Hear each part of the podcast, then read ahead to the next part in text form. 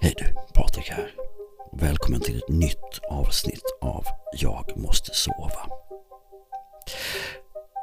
Jag har funderat på om det spelar någon roll för dig vad jag pratar om. Om du vill att det ska vara lite substans eller om det viktigaste bara är att jag pratar. Och du kan ju alltid påverka vad jag ska prata om. För jag lovar att vad du än skulle föreslå så skulle jag åtminstone försöka provprata om det. Oavsett hur lite jag tänker att jag vet om ämnet. Så om du har några tankar kring det här så hittar du en länk till min Instagram i avsnittsbeskrivningen där du kan skriva till mig vad du tycker jag ska prata om och kanske inte prata om. Och där kan du också skriva till mig kring annat som du eventuellt funderat över när du lyssnat på mig. Jag skulle vilja börja med att tacka Sofia som skrev till mig och berättade att ljudet var lite väl brusigt. Och det är ju skitstörigt. Eh, så nu har jag fixat med filerna och hoppas att det blir en lite tystare upplevelse. Så tack så mycket Sofia. Idag är det söndag och för mig så har jag en vecka bakom mig som inneburit inställda jobb, eh, viktiga program i datorn som slutade fungera efter en uppdatering, kunder som försökt få mig att jobba för i princip inga pengar alls eh, och en vecka i livet som visat mig lojala kollegor, goda vänner och förhoppningar om att jag snart kan få krypa ur det här fodral av vinterkläder som det känns som att jag levt i sedan, sen slutet av oktober eller någonting. Så lite sött och lite surt. Så som livet är. Och det där inställda jobbet kommer jag känna lite sorg över ett tag. Det var ett projekt som jag hade lagt mycket passion i, som jag såg fram emot. Eh, jag jag skrivit manus till och skulle regissera. Och förberedelserna var i full gång och vi skulle precis igång och hålla auditions. Och då bestämmer sig den ena producenten för att hen vill göra någonting helt annat och bara avslutar vårt arbete. Jag ska inte säga att det här är någonting konstigt i min bransch för så här är det. Det är många projekt som sätts igång men aldrig avslutas av många olika skäl. Finansiering eller som i det här fallet att någon bara så nej, jag vill göra någonting annat. Och jag har väl accepterat att det är så här det är i vår bransch. Eh, men det innebär inte att jag tycker det är okej. Okay. Eh, mycket av det jag gör så går jag in med full passion, full kärlek och fullt medveten om att det kanske aldrig blir någonting av. Men jag vill behålla den där naiva tanken i mitt sätt att skapa att det kommer att bli av. För att skulle jag börja bli, jag vet inte, reserverad eller eh, jag kommer inte på något bättre ord men om jag skulle börja parera för att ja, men det här kanske aldrig kommer att bli av. Då är jag också rädd för att då kommer jag inte gå in lika helhjärtat i skapandet. Och då kanske det är lika bra att det inte blir av. Utan på det igen och på det igen och på det igen och på det igen. Och förhoppningsvis så är det några projekt som lyfter. Och just det här projektet lyfte inte. Men det blir någonting annat istället. Jag ska ge så här, jag gör jag gör mellan 25 och 35 provfilmningar varje år. Och för allt möjligt. Eh, och de flesta projekten blir ingenting av för min del. Eh, och så brukar jag göra en årlig sammanfattning av alla projekt jag har provfilmat för. Och när jag tittar på det där på slutet av året så det mesta minns jag faktiskt inte ens att jag har provfilmat för. Genom alla de här provfilmningarna så springer jag på projekt såklart som känns jättespännande. Jag vet att jag pratade pratat lite grann om det här förut men jag pratar om det igen. Där platsen eller vad det nu än kan vara känns väldigt lockande. Och då är det lätt att man bygger förväntningar kring det här. Tänk att få åka dit och vara där och filma eller träffa den kända regissören eller ja, vad det nu kan vara. Men jag försöker låta bli att göra det. Eh, väldigt tidigt i min karriär så väldigt, väldigt tidigt eh, så gjorde jag provfilmningar för en långfilm, en svensk produktion som i stora delar skulle spelas in i New York. Eh, och de var jättenöjda med, med det jag gjorde på mina provfilmningar och allting lät som att det skulle hända. Och i fantasin så var jag redan i New York. Och sen blev det tyst. Jag hörde ingenting längre från producenterna. Och så till slut så fick jag veta att de hade valt att anlita en amerikansk skådespelare istället och det hade väl med arbetstillstånd och kostnader att göra. Men det var ingen som berättade för mig. Men besvikelsen blev ju jättestor. Jag hade klättrat upp på det här förväntansberget under lång, lång tid. Och sen bara rycktes allting bort. Så jag bestämde mig för att låta det bli en, en episod Att, att det inte var så meningsfullt med att bygga förväntningar eh, innan man faktiskt vet att någonting verkligen ska hända. Så att idag så är det mer så att ja men det hade ju, hade ju såklart varit kul att få åka dit men inte mer än så. Och idag så glömmer jag i princip min provfilmning så fort jag skickar det vidare till min agent. Händer det så händer det. Men så är det ändå ibland vissa provfilmningar som jag inte kan låta bli.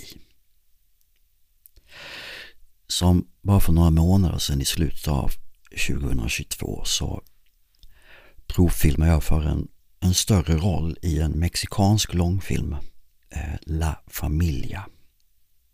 Och det var en omfattande provfilmning. I vanliga fall så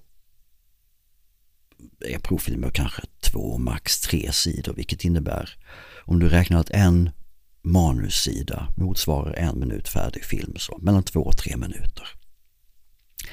Men den här provfilmningen det var på flera sidor med dialog eller egentligen mer en monolog. Eh, och det var nästan uteslutande på spanska. Och scenen var fantastiskt bra och karaktären kändes väldigt spännande. Och jag gjorde en provfilm som jag var väldigt nöjd med och skickade till min agent så frågade min agent, kan du bara lyssna på om spanskan låter okej? Okay? Och hon sa liksom att inte bara spanskan låter okej. Okay. La escena está genial, Patrick. Ungefär fantastiskt. Och det gjorde mig såklart glad att min spanska agent tyckte att min spanska var bra nog och dessutom att jag hade gjort scenen genial. Och sen gick det någon vecka och så får jag ett meddelande från min agent och säger att man vill ha mig till en callback. Och en callback det är liksom steg två. Då har man gjort den första provfilmningen och så gallras det och sen så eh, får man komma ett steg närmre. och det skulle göras online med en castingagent i Mexico City. Och väldigt nervös såklart var jag för att jag hade då såklart börjat bygga ett snäpp förväntning. Men det gick jättebra. Ehm, vi höll på jättelänge. Vilket också är ett gott tecken. Att håller du på länge i en callback så brukar det betyda att den som sitter på andra sidan tycker att det är bra, att det finns mer att utforska eh, och så här. Och i det här, den här callbacken som vi hade online då såklart, jag flög inte till Mexico City, så får jag veta att regissören heter Rodrigo Garcia. Och att han är son till Gabriel Garcia Marquez. Och det är alltså författaren som skrev Hundra år av ensamhet. En av, i min värld, världens finaste författare. Då föll det på plats med varför texten var så bra, varför den innehöll något, nyanser, djup som jag inte, som jag verkligen inte ser i många av de provfilmningar som jag gör. Och det kändes som att stjärnorna stod rätt. Min spanska hade nått en tillräckligt hög nivå. Karaktären kändes som att det var någonting jag skulle kunna förvalta. Min agent tyckte det var genial. Jag tillät mig att tro att det kunde bli av. Jag byggde förväntningar och jag såg mig själv i Mexico City. Men det blev inget. Och jag är van jag försöker skaka av mig det. Och det har jag gjort, egentligen. Men nu när jag tänker på det igen så kan jag också känna ett litet styng av sorg. Men som min agent brukar säga, on to the next one. Och så är det. Och så måste det vara. För till vilken nytta är det att gråta över spilld mjölk? Bara en kort anekdot om Mexiko. Eh, jag har ju varit där några gånger och känner en väldigt stark kärlek för Mexiko. Dock inte för trafiken att köra bil där. Eh, där har du nämligen så här att om du ska på typ en motorväg eller du vet de här stora eh, vägarna som går runt städer, de här som kallas för C-ring och allt vad det kallas för. Då är det inga påfarter till dem. Bilarna där ute kör i 100-110 km i timmen och du kommer fram till en T-korsning. Du har alltså ingen möjlighet att gasa upp i hastighet innan du eh, kommer ut i trafiken utan det är full fart, däckskrik och full gas och be till högre makter att du överlever. Eh, och de har ju såklart väggupp också i Mexiko för att hålla, eh, i, de har ju såklart väggupp också i Mexiko för att hålla ner farten. Men till skillnad från oss så har de inga skyltar som förvarnar om de här vägguppen. Utan du märker att där är ett väggupp i samma ögonblick som din bil lyfter från marken. Okej, okay, det är ju avsnitt 11 och det får mig att tänka på klockslaget 11 11. Och det kanske betyder någonting för dig med.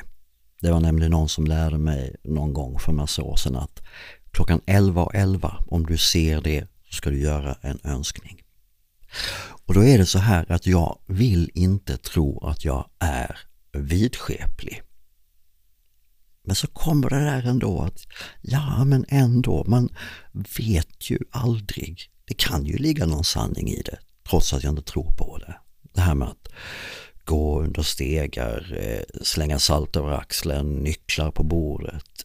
Och så just det här klockslaget 11, 11. Och jag tycker jag ser det så ofta.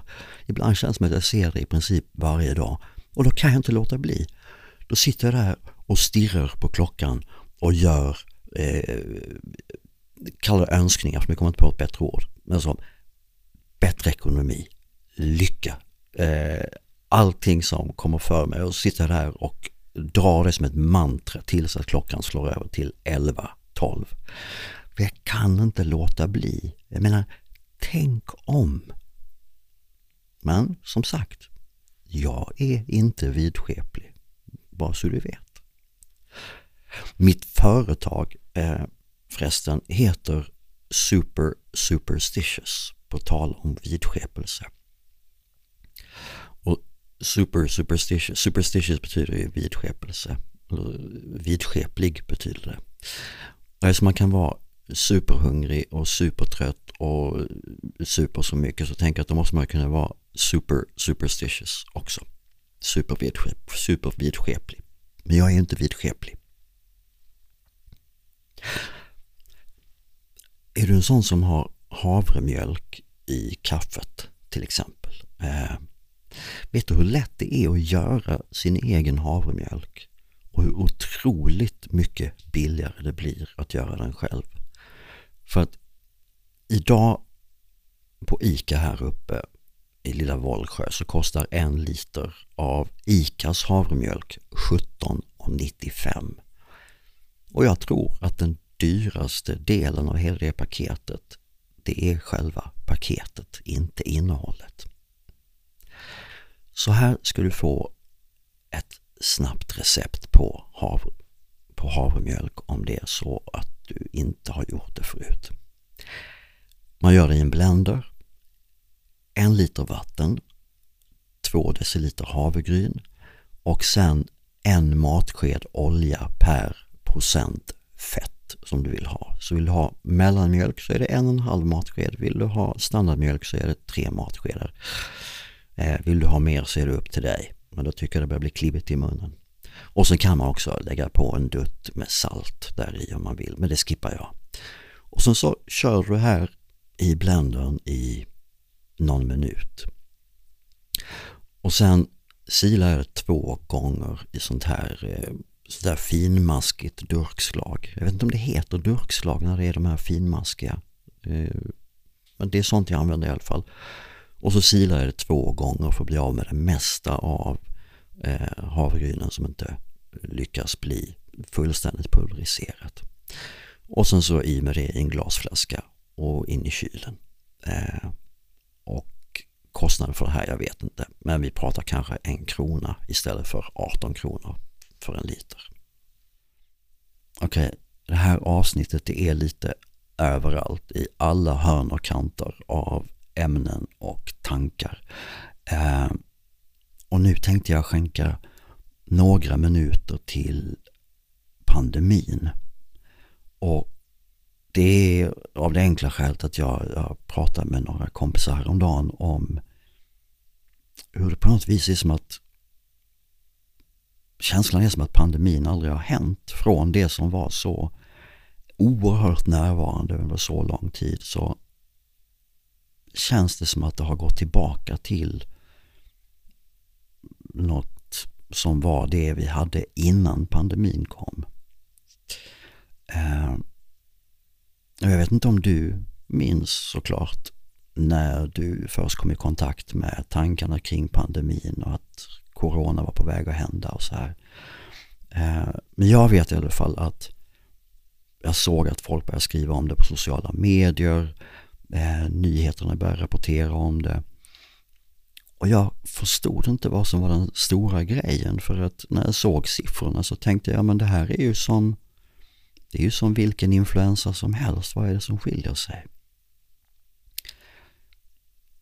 Men sen så började det sjunka in ganska snabbt när, när det kom siffror på antalet sjuka och att människor började dö. Och Anders Tegnell som blev som en eh, ny bekantskap som kom och pratade om i princip samma saker varje dag, samma klockslag. Eh, och sen märkte jag det personligen drabbade mig först när inom loppet av två veckor i princip vartenda jobb som var inbokat för min del bokades av. Och då förstod jag att okej, okay, jag behöver tänka om. Eh, hur ska jag ordna en försörjning när i princip alla jobb jag i vanliga fall gör inte kommer att hända. Eh, och då börjar jag göra mycket röstjobb här hemifrån. Det var någonting som, som det blev mer av under pandemin. Att jag kunde jobba hemifrån ute i min lilla ljudstudio. Vilket inte är den jag sitter i nu för att nu sitter jag i min, fåtölj, i min fåtölj inne i mitt hem. Men det var som sagt så här om man när jag var ute och liksom var i vardagen här så ja, men visst blev det påtagligt så tillvida att det blev längre avstånd mellan köerna. Det sattes upp skyltar om att hålla avstånd och visa respekt. Men samtidigt så bodde vi också i ett land där ansvaret lades så väldigt mycket på individen. Att vi skulle ta vårt egna ansvar. Och det har ju också någonting med hur Sverige är uppbyggt, att vi tydligen inte kan lagstifta om den typen av saker i Sverige som man kan göra utomlands. Men jag minns tillfället när jag på riktigt, på riktigt förstod att det pågick en pandemi ute i vår värld.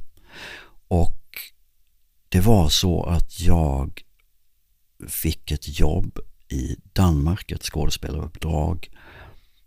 Eh, det skulle göras en, en hyllningsfilm till personal, till städpersonalen på sjukhusen i USA. Och varför den skulle göras i Danmark var för att i USA så var det en fullständig lockdown på filmbranschen. Eh, det gjordes ingenting och därför så lades det här uppdraget på ett produktionsbolag i Danmark. Och då var det så att bara för att kunna komma in i Danmark då så var jag tvungen att ha med mig ett arbetsintyg som visade att jag hade anledning att åka in i Danmark. Eh, att det inte bara var en nöjesresa. Så jag hoppar på tåget i Malmö och när det stannar på Kastrup så måste vi gå ur tåget och när jag kommer upp på plattformen där så är det som små små hyddor, små så bås, träbås där det sitter militärer och det står militärer på plattformen med uh, automatvapen Eh, och vi står i kö och får visa upp de här papperna som gör att vi har rätt att åka in i Danmark och det kändes jätte, jättekonstigt. Den här gränsen som aldrig har upplevts som en gräns egentligen när man har åkt till Danmark. Och sen genom den här kontrollen upp genom terminalen, ner på andra sidan på plattformen för det har stort gallerstängsel mitt på plattformen eh, och så på samma tåg igen och så in till Köpenhamn. Och jag vet att jag kommer in till Köpenhamn en vardag eftermiddag någon gång vid, jag vet inte, fyra på eftermiddagen kanske skulle filma dagen efter och skulle sova i Köpenhamn över natten. Och ni vet ju alla att Köpenhamn, det är ju det är en huvudstad, det är en, det är en, en stor stad med mycket liv och rörelse. När jag kommer ut på gatorna i Köpenhamn så är det helt dött. Där är i princip inga människor ute. Butiker är stängda, restauranger är stängda. Eh, hur illa funnet det här uttrycket är. Det är som att pesten har dragit fram och att inte en människa är kvar i Köpenhamn. Och sen dagen efter så blir jag hämtad och åker ut till inspelningsplatsen och där ute så är det handskar och ansiktsskydd och allt det som inte hade hunnit hända i Sverige nu. Ehm, men säkerheten var liksom rigorös i jämförelse med hur vi hade det här. Så det var första gången jag verkligen sådär insåg på ett helt annat plan, plan vad som hände.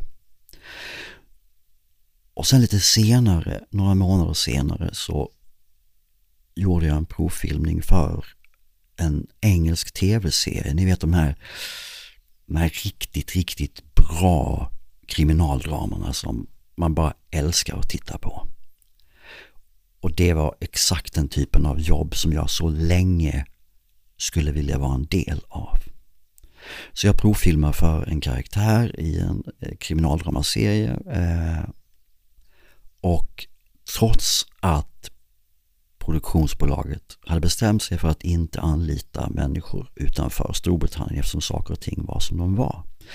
Så lyckades castingagenturen övertala dem att ja, men satsa på Patrik, ni kommer inte ångra er. Boink. Eh, jag var så glad. Mitt i all den här pandemin så skulle jag, jag skulle få resa lite och jag skulle få jobba med någonting som jag verkligen hade haft på min bucketlist under en väldigt lång tid. Men då var det så här att då när de satte igång med inspelningarna då var det så att om jag reste till England då var jag tvungen att sitta i karantän. Och det kunde vara hemma hos någon men jag var ändå tvungen att vara i karantän i två veckor innan jag fick komma ut i samhället. Och inspelningsschemat var så olyckligt planerat för att det var planerat utifrån att det skulle vara en skådespelare från England. Så att två veckors karantän, sen två inspelningsdagar och sen så nästan två veckor eh, tills de nästa inspelningsdagarna. Och allt det här hade det hade inneburit att jag hade behövt vara i England i över en månad utan traktamente eftersom det skulle vara en engelsk, eh, Englandsbaserad skådespelare. Så jag fick tacka nej. Och det det känns ju lite banalt att prata om det på sitt sätt eftersom världen gick igenom vad världen gick igenom. Att jag inte fick ett skådespelarjobb är väl i princip skitsamma. Men det var mer en reflektion över hur pandemin kom lite närmre ibland än vad den hade gjort om jag bara, bara hade haft mitt liv här i Sverige. Jag ska inte bli politisk över det här men en liten reflektion ändå som jag har gjort det är ju att Sverige fick ju väldigt mycket kritik inledningsvis över att det inte var masktvång och, utan det bara var en rekommendation och allt det här och det, det har ju tydligen då med hur lagarna ser ut i Sverige. Eh, och det blev väl så i slutändan att Sverige var inte sämre än många andra i vissa avseenden. Lite sämre här och lite bättre där. Men någonting som jag ändå tycker är fint i det här, om man tittar på siffrorna efteråt, att, att vi i Sverige, vi lyckades lika bra eller lika dåligt, hur man nu vill se på det, som de länderna som lagstiftade, som tvingade folk att vara inomhus, som inte fick vara utomhus efter vissa klockslag och så här. Här var det som vi så vackert brukar kalla det för frihet under ansvar. Och jag tycker nog att vi generellt förvaltar den friheten väldigt bra. Och sen långsamt, långsamt så klingade saker av, klingade pandemin av. Och vi har gått tillbaka till ett gammalt normalt. Avstånden i köerna har krympt reagerar inte längre på någon som hostar eller nyser. I princip inga människor använder masker. Men idag så har jag någonting nytt som inte fanns på min karta heller för ett par år sedan. Och det är att kolla elpriserna varje dag. Vad är det för elpriser idag? Är det ett par timmar när jag kan klämma in en tvätt, en dusch, diska, alla de här grejerna som drar ström.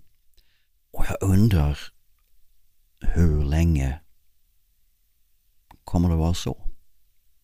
Är det för alltid nu? Eller kommer det också förändras? Okej, okay, jag ska byta riktning här nu. Jag ska prata om orden man och jag.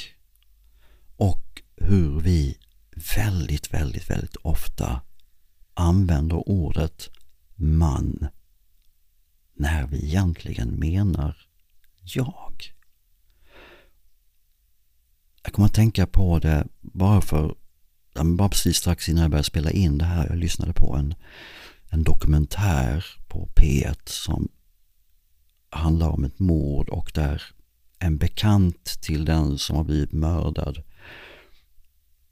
pratar om konsekvenserna av det här en tid efter att hen har fått veta att personen har blivit mördad och uttryckte sig så här. Det bästa är väl att man kanske kan gå vidare nu. Och det värsta är väl att man förstår hur hemskt det var. Och jag skulle önska att personen hade sagt det bästa är väl att jag kanske kan gå vidare nu. Och det värsta är väl att jag förstår hur hemskt det var. Det här med jag-budskapet för att men både för sig själv och för andra. Jag, jag vet inte vad det är som gör att vi generellt använder ordet man. Jag har någon tanke om att på det viset så håller vi saker lite ifrån oss. När vi inte vill att det ska komma för nära, när vi inte vill bli för personliga eller privata så använder vi ordet man som en generell beskrivning av någonting. Att det är väl så människan gör. Istället för att prata om sin högst privata upplevelse. Jag ska inte fördjupa mig i det här men jag undrar vad du tänker om det här. Att vi så ofta, ord, att vi så ofta använder ordet man när vi egentligen pratar om oss själva. Om min upplevelse. Om mina känslor. Och inte någon allmän upplevelse. Eller finns när det finns det här eh, uttrycket jo, jo, det vet man ju vad det betyder. Istället för att säga jo, jo, det vet jag vad det betyder. Ni förstår när det, alltså, du förstår när det är någonting som har någonting anklagande över sig. Att säga att, att jag skulle säga, men jag lovar jag ska städa sen. Och så får jag till svar, jo, jo, det vet man ju vad det betyder. Och då blir det som att hela världen vet om att jag inte kommer att städa. Nu är det ju jag som kanske projicerar någonting här, jag vet inte, men att skuldbeläggandet blir större än om personen bara säger jo, jo, det vet ju jag vad det betyder. Har du några tankar kring det här så får du väldigt gärna dela det. Okej, jag ska hålla mig kvar lite grann vid det här med språk och samtal och, och så här. Jag tror jag kan vara en lite jobbig människa ibland att prata med för att jag vill i möjligaste mån inte ha förutfattade tankar om vad någonting betyder. Jag vill gärna kontrollera att jag har förstått någonting rätt. Och det innebär att ett samtal till mig, samtal med mig kan innebära ganska mycket frågor. För att verkligen se till så att jag har förstått vad du säger korrekt. Och inte bara att göra ett antagande om det utifrån mina egna erfarenheter. Och då tänkte jag fokusera på en liten sak som jag tror kan öppna upp för en annan typ av samtal om förhållningssättet är annorlunda. Och det är de här tillfällena i livet när vi har när vi går igenom stora förändringar. Eh, man får sparken. en relation tar slut. Och så berättar vi det här för någon vi känner. Och ofta säger ju folk då, nej men gud vad tråkigt, jag beklagar. Vad tråkigt att höra. Nästan som per automatik så utgår den andra personen från att det är någonting tråkigt. Och jag tycker det är så dumt. Att det är fel att göra det antagandet. Jag upplevde det själv när jag hade brutit upp från min senaste relation. När jag berättade att ja, men, vi har brutit upp eh, och vi är inte tillsammans längre. Och så fick jag, nej men gud vad tråkigt. Och så kände jag, nej men det är ju inte alls tråkigt. Det är ju det bästa beslut jag har tagit på jättelänge. Nu mår jag jättebra. Jag känner mig fri. Eh, jag förknippar det inte med någonting tråkigt. Det tråkiga hade hänt långt innan i relationen när den inte riktigt fungerade längre. Så vad vill jag komma till? Jo, om vi istället för att göra det här antagandet att men gud vad tråkigt. Om vi istället ställer en öppen fråga, då kan vi få ett helt annat samtal. Frågorna skulle kunna vara Vad tänker du kring det? Hur känns det? För om det som i mitt fall var någonting positivt, ja men då kan samtalet börja i, men jag mår jättebra, det här känns jätteskönt. Eh, bla bla bla, bla bla bla, bla bla bla. Eh, ja, jag tänker det att vill vi verkligen veta någonting så behöver vi också framstå som idioter ibland att vi faktiskt inte vet och därför frågar vi. Och vi frågar och vi frågar. Och det är ju ofta så att den som får frågan, vi tycker ju om att prata. Om någon frågar. Så win-win säger jag. Nu, om det är så att du känner att det här är ett sånt där tillfälle när det, det liksom är väldigt svårt att somna så jag ska prata en liten stund till, men om det är så att du känner att ah, det här räcker inte till, men då kanske det är nu du ska passa på och lägga till ett avsnitt till av någonting eh, under tiden som jag bara sitter här och ger dig lite tid och utrymme för att göra det. Och ett annat tips det är att inte lyssna så noga på det jag säger. För att är det någonting i det här som, som du vill lyssna på lite bättre eller som du känner att du vill reflektera över så, så kan du göra det imorgon igen. För jag kommer att säga exakt samma saker igen. Och jag säger det här hela tiden. Lyssna inte för noga. Låt mig få bli ett sorl någonstans där som bara håller dig i sällskap. Bara lyssna till brummet från min röst. Inte så mycket till vad jag säger. Det är helt okej okay att du somnar. För du är ju här och lyssnar på det här för att du ska somna. Okej? Okay? Jag pratar ju väldigt gärna om stoicismen då och då. Um, och jag ska beröra den igen. Ehm, kommer att tänka på alla de här fullständigt vanvettiga idiotiska sakerna jag gjorde när jag var yngre.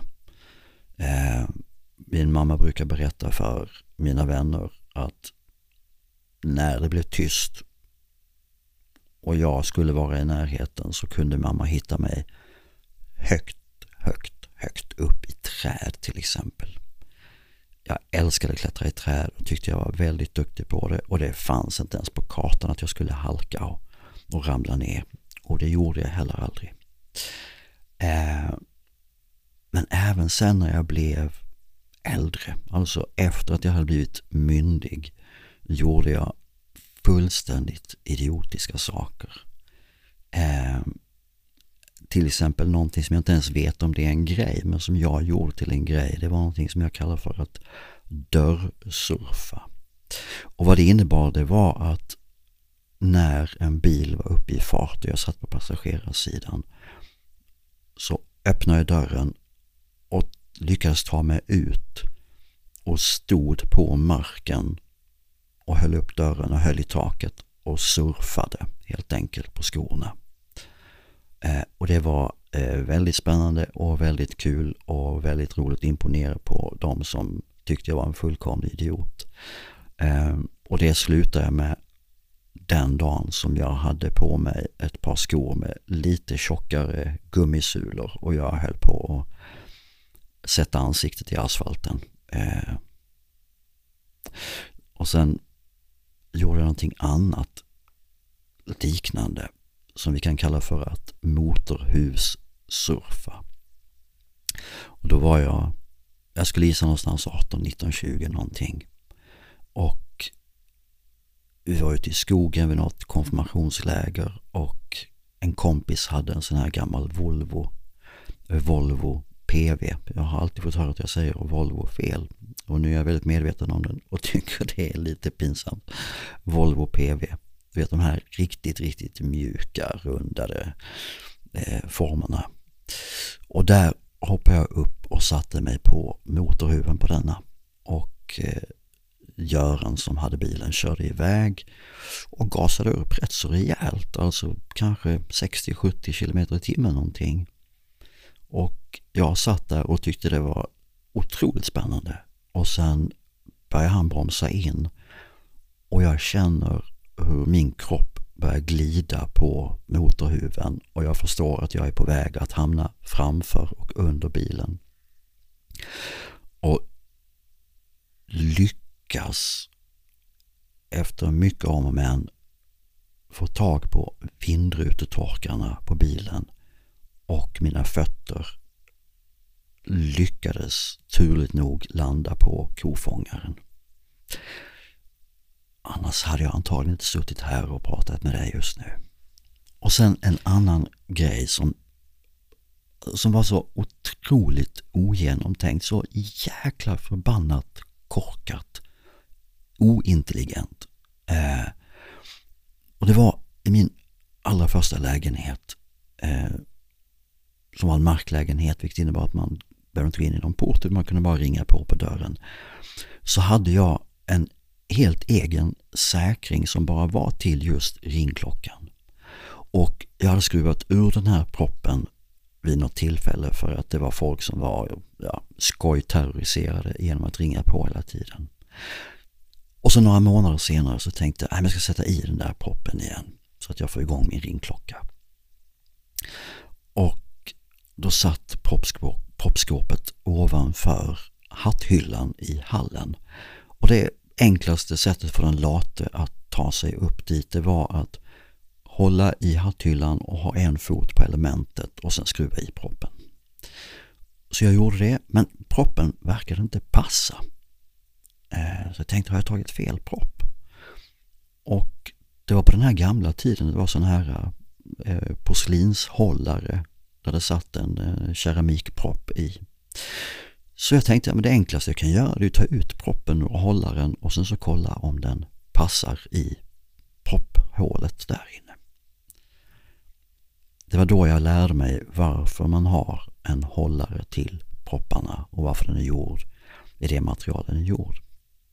För jag blev strömförande och satt fast i ett elektricitetsgrepp jag vet inte hur länge, men jag lyckades till slut slita mig loss från det här.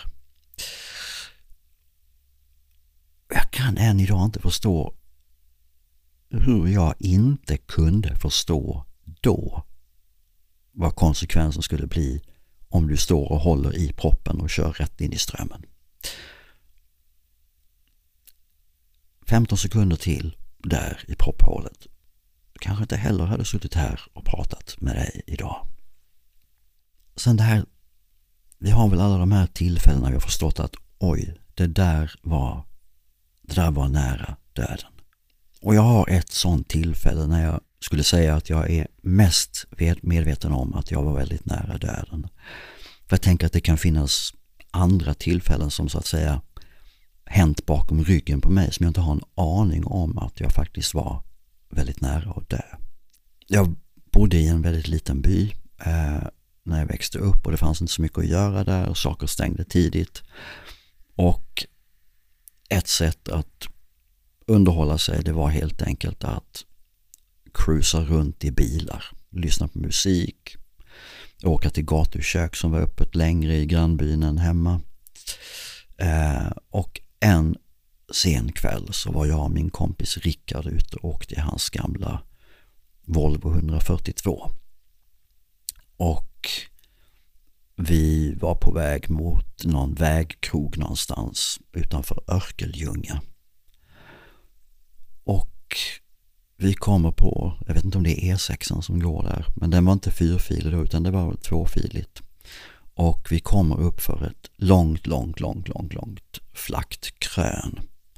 Och i, ute i vägrenen så ligger det en lastbil med släp som vi börjar köra om. Eh, och när vi ligger mitt för den här lastbilen så över krönet så kommer det två stycken lastbilar i bredd.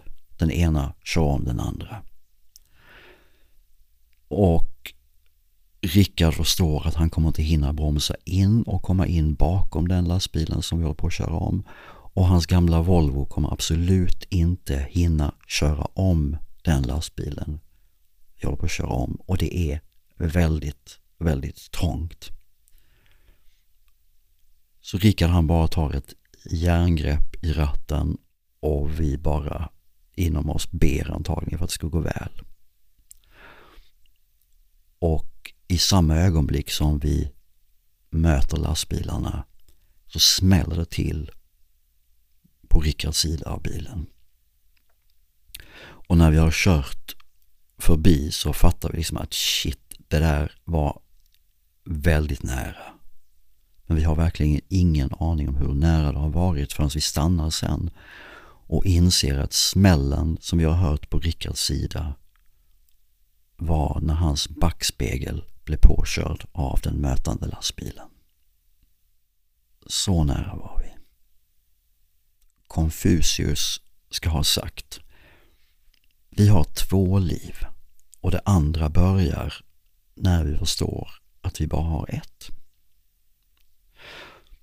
Och jag vet som sagt, jag har sagt det förut, men det är inte fel att säga. Det är inte fel att upprepa bra saker. Så att vi kommer ihåg så att det kan få sjunka in så vi kanske kan börja leva lite annorlunda. Eller som stoikerna säger, memento mori. Kom ihåg att du ska dö. Och varför ska du komma ihåg att du ska dö? Jo, så att du kommer ihåg att du ska leva. Och det är verkligen så, sen de här orden har börjat sjunka in på allvar i mig så har jag också, jag har också börjat, börjat tänka betydligt mycket mer på min egen död än någonsin förut i mitt liv. Men, och det här är viktigt, inte som någonting dystert eller jobbigt utan som, som en motor, en, en, en uppmaning, en motivation att göra bra, att göra, att välja det viktiga. För att den dagen jag förstår att det är dags, då ska jag känna att det är okej. Okay. Jag levde medan jag levde. För i möjligaste mån så vill jag slippa jag vill slippa ångra det jag valde att inte göra eller som jag sköt på framtiden till en bättre dag. Vi vet ju inte om det kommer en bättre dag. Den bästa dagen, det bästa ögonblicket är och förblir nu.